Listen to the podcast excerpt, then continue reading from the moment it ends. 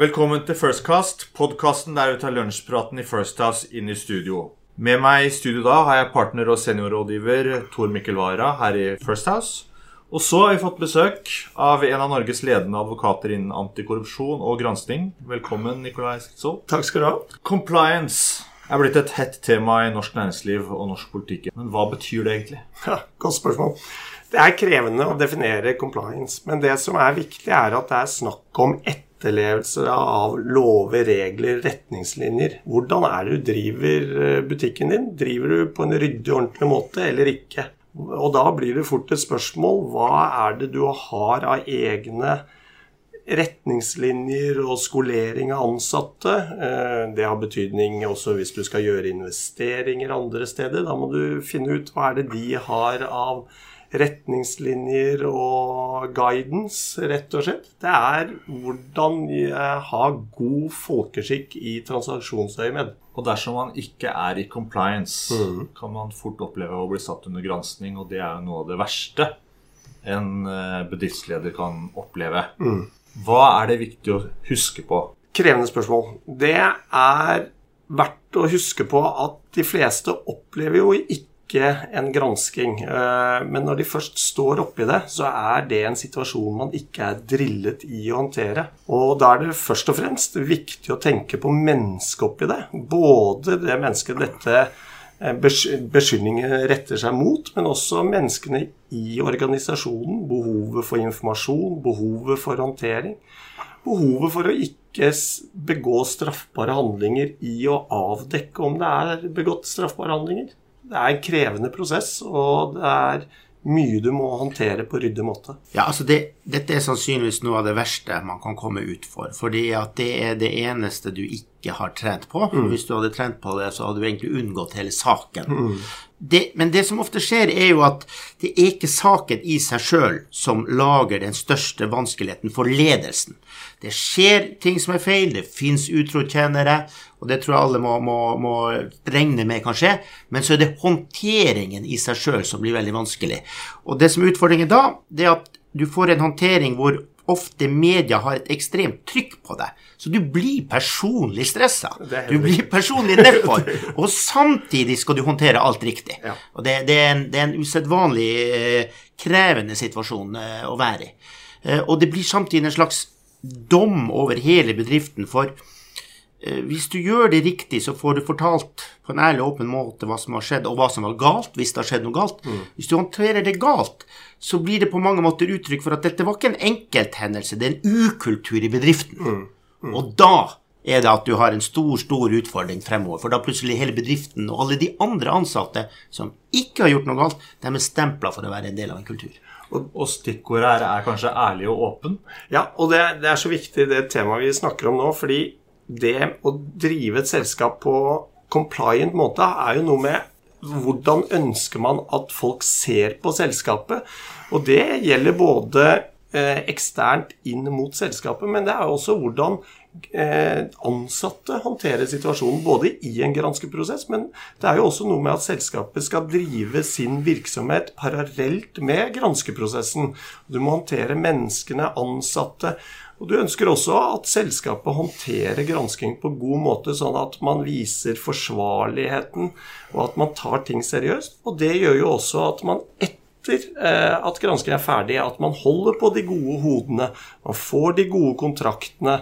Man får et godt omdømme. Og det er jo det som er viktig. Man kan gjøre mye for å eh, forsøke å forhindre å komme i en eh, granskingssituasjon. Men da, hvis du er så uheldig at du kommer i en slik situasjon, så må du håndtere det ryddig.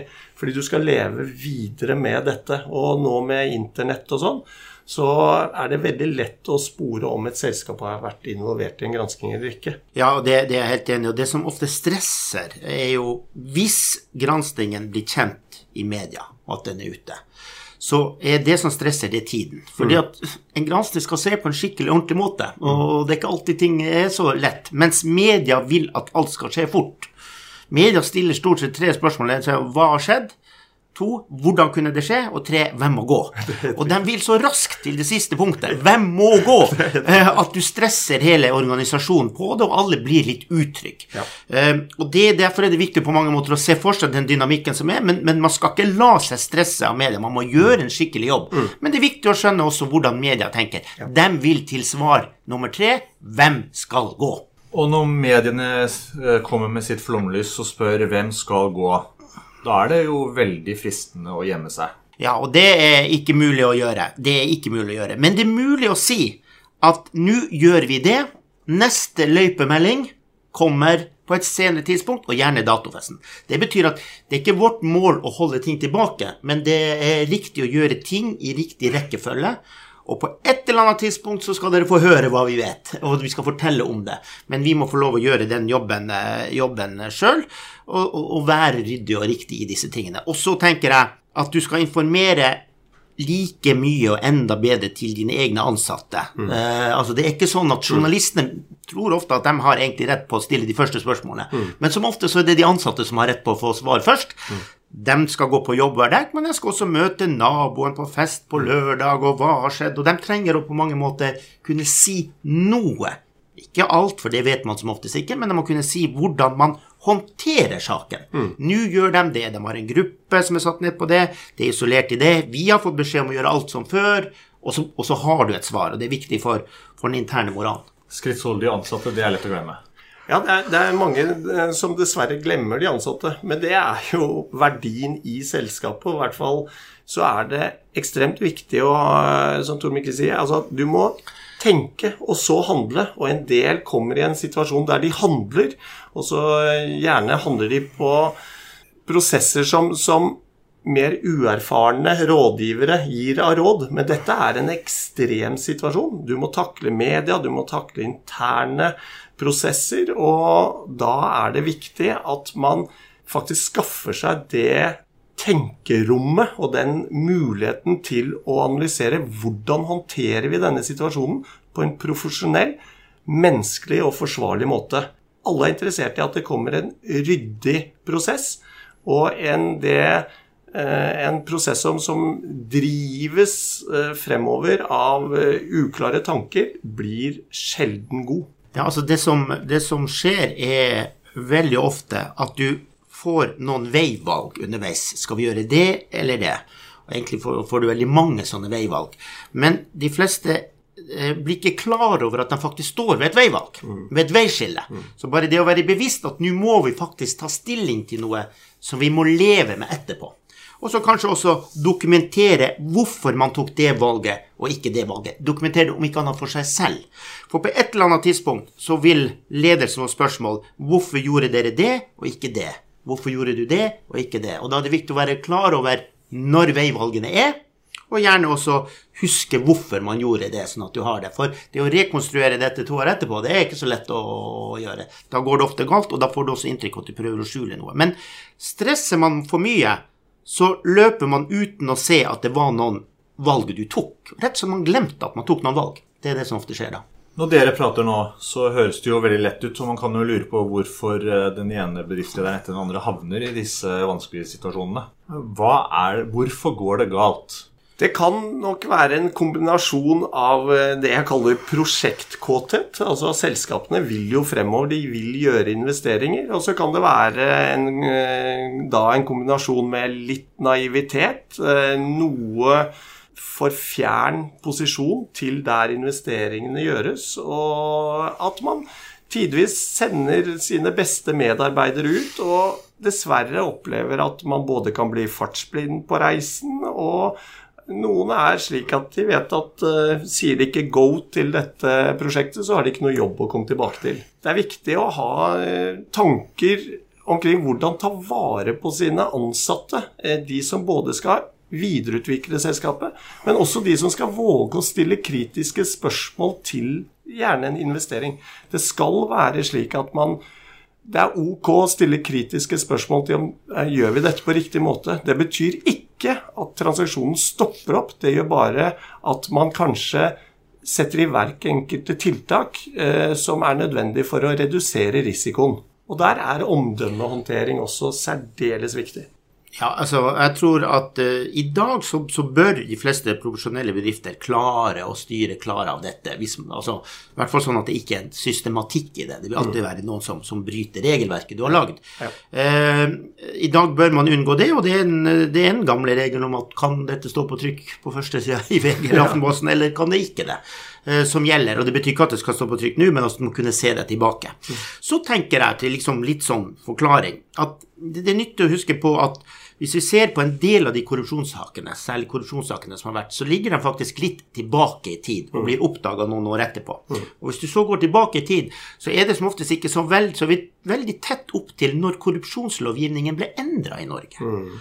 Og da kan vi tenke, jeg satt på, når jeg drev med politikk, så var diskusjonen om vi skulle fortsatt tillate skattefradrag for korrupsjon. Det var ikke det, det var Forbudt var det ikke. Det var skattefradraget som var diskusjonstemaet. Så det er klart at når du så endrer korrupsjonslovgivningen, og det blir forbudt, så så tar litt tid å endre kulturen. Mm.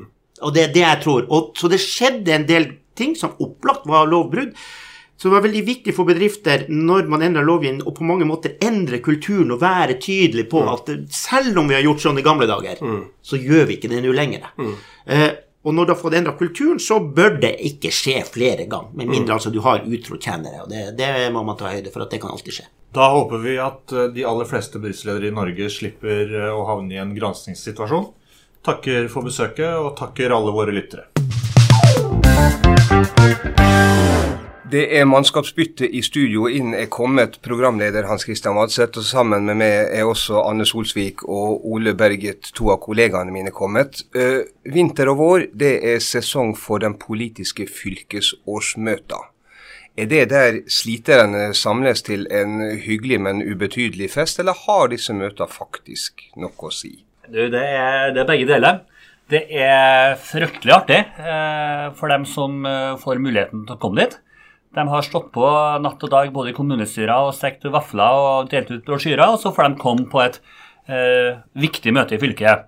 Eh, og det er viktig, for det er jo fylkesårsmøtene som både vedtar eh, hva de skal mene om partiprogrammet til partiene. Eh, og de eh, velger delegasjoner. Og kanskje det aller, aller viktigste man gjør, det er å velge fylkesleder, som i Frp utgjør landsstyret. Og da bør vi kanskje si at siden, siden, du henviste til Frp, så er det der du har din partibakgrunn? Det er min bakgrunn. Og landsstyret overordna f.eks. stortingsgruppa. Ergo så er det valget man gjør på fylkesledernivå, svært, svært viktig. Er det andre ting som, eh, som er viktig ved et fylkesårsmøte? Har det noe å si inn i rikspolitikken f.eks.? Det er jo helt åpenbart et uh, veldig viktig utstillingsvindu uh, for partiene. Det å bruke den anledningen. Selv om når vi sitter her fra Oslo og ser ut, så har de fylkesårsmøter overalt hele tiden. Men dette er et av høydepunktene i både lokallaget og fylkeslaget. Uh, den helga fylket samles. alle sender sine delegater. Man har blitt valgt først på lokallaget, så er det videre til fylkesårsmøtet, og så kanskje er man heldig som skal videre til landsmøtet òg. Så dette er jo en sånn prosess hvor man både får markert seg som eh, person og tydeliggjort eh, saker, eh, og lagene får sagt tydelig fra hva de mener, eller hva de mener bør være prioriteringer på saker. Både fra lokalt til fylke, og fra fylke og videre til landsmøtet. Det, det er ikke sånn HC, at, at politikken spikres på et kontor i Oslo. Dette er store politiske verksteder og prosesser som er drevet av partidemokratiene, som til sjuende og sist blir et partiprogram. Som da igjen kan bli til en regjeringserklæring av en plattform. Så det er klart dette er mye viktigere enn hva folk tror. Altså. Er dette grasrot opp mot partielite? Det er et samspill. Altså, Grasrota er jo en del av partiet, uh, definitivt. Det er jo disse prosessene som utgjør partidemokratiet. Eh, så skal jeg ikke si at, eh, at partiledelse har lite å si for et politisk parti. Absolutt ikke. Men det er klart at hvis partiledelsen ikke har partigrasrota med seg, så blir man ikke lenger i partiledelsen. Nei, og det er jo, Klarer man ikke å evne å forstå de signalene disse fylkesårsmøtene gir, eh, så har man lite å spille på videre. Og spesielt i et valgår og inn mot et landsmøte som er superviktig for partiledelsen, eh, så må man evne å tolke disse signalene. Og her har du jo på et fylkesårsmøte så har du liksom den glade amatør som for første gang er der og er superenergisk og, og gira på det. Og så har du noen som er skikkelig drevne og vet å kartlegge hvor ligger denne saken. Man skal votere på endringer til programforslaget som partiet skal gå til valg på. Eh, man skal eh, jobbe både i eh, pausene på dagtid og, og ved baren på kveldstid for å få med seg hvor man lander. Men, men stopper stoppe, ja. helst, stoppe helst ved baren på kveldstid. ja, det er noe med at her er jo Altså, har du, um, har du ikke gjort jobben din her da, for å forankre at fylkeslaget skal løfte en sak på landsmøtet, så har du litt lite å komme med i etterkant. Eh, Det er her du må ha sagt eh, hvorvidt en sak er viktig for deg, eller du må ha gjort de gode formuleringene. Eh, Sånn som Jeg kommer jo fra Venstre, som har veldig tradisjon for at EU-spørsmålet hele tiden skal opp. Hvis ikke noen har adressert EU-spørsmål rundt forbi på noen fylkesårsmøter, så er det vanskelig å komme med den i etterkant og forplikte delegasjonen til det, f.eks. Så et viktig element også, stortingsrepresentantene fra hjemfylkene sine og partiledelsen reiser rundt for å få opp entusiasme og engasjement inn mot et valg. Helt avgjørende, for det er tross alt grasrota som sørger for at folk blir valgt inn på Stortinget. Ole og Anne, hvor mange fylkesårsmøter har dere vært på til sammen? Ja, Du utfordra meg på dette før vi gikk i studio. og altså når, eh, Dette gjør man jo i et høyt tempo i en konsentrert periode. Jeg tror jeg må ha vært på en eh, ja, til sammen rundt forbi hele landet. Over 50, kanskje. Det er vanskelig å si 30-40, kanskje. Altså når, når jeg hører disse tallene, her, så, så skjønner jeg jo at dere er politisk syke mennesker. Men jeg har lyst helt til slutt å spørre, skjer det noen gang at man på et fylkesårsmøte får en politisk wow-opplevelse? Noe som virkelig står igjen, Ja, ja. som man Ja, husker i lang tid etterpå? Absolutt, absolutt. Eh, Altså det, det er ofte, men noe av det mest fascinerende med du reiser rundt på fylkesårsmøtene, er å se de unge talentene for første gang. Går på talerstolen, snakker partiledelsen og makta midt imot, lysende engasjement. Det er litt sånn som det er å være en eh, fotballagent, tror jeg. Du ser liksom noen unge talenter, så ser du bare at det der kommer til å bli en statsråd eller en statsminister i framtida. Har du et eksempel? Ja, ja, ja. Første gang jeg møtte Jon Georg Dale, som nå er landbruksminister og en av de yngste i, i statsrådene i, gjennom tidene, er, eh, var på et fylkesårsmøte i Møre og Romsdal. Man visste med en gang han kom til å bli noe stort i politikken. Da sier vi tusen takk til politikkens fotballagenter Anne Solsvik og Ole Berget.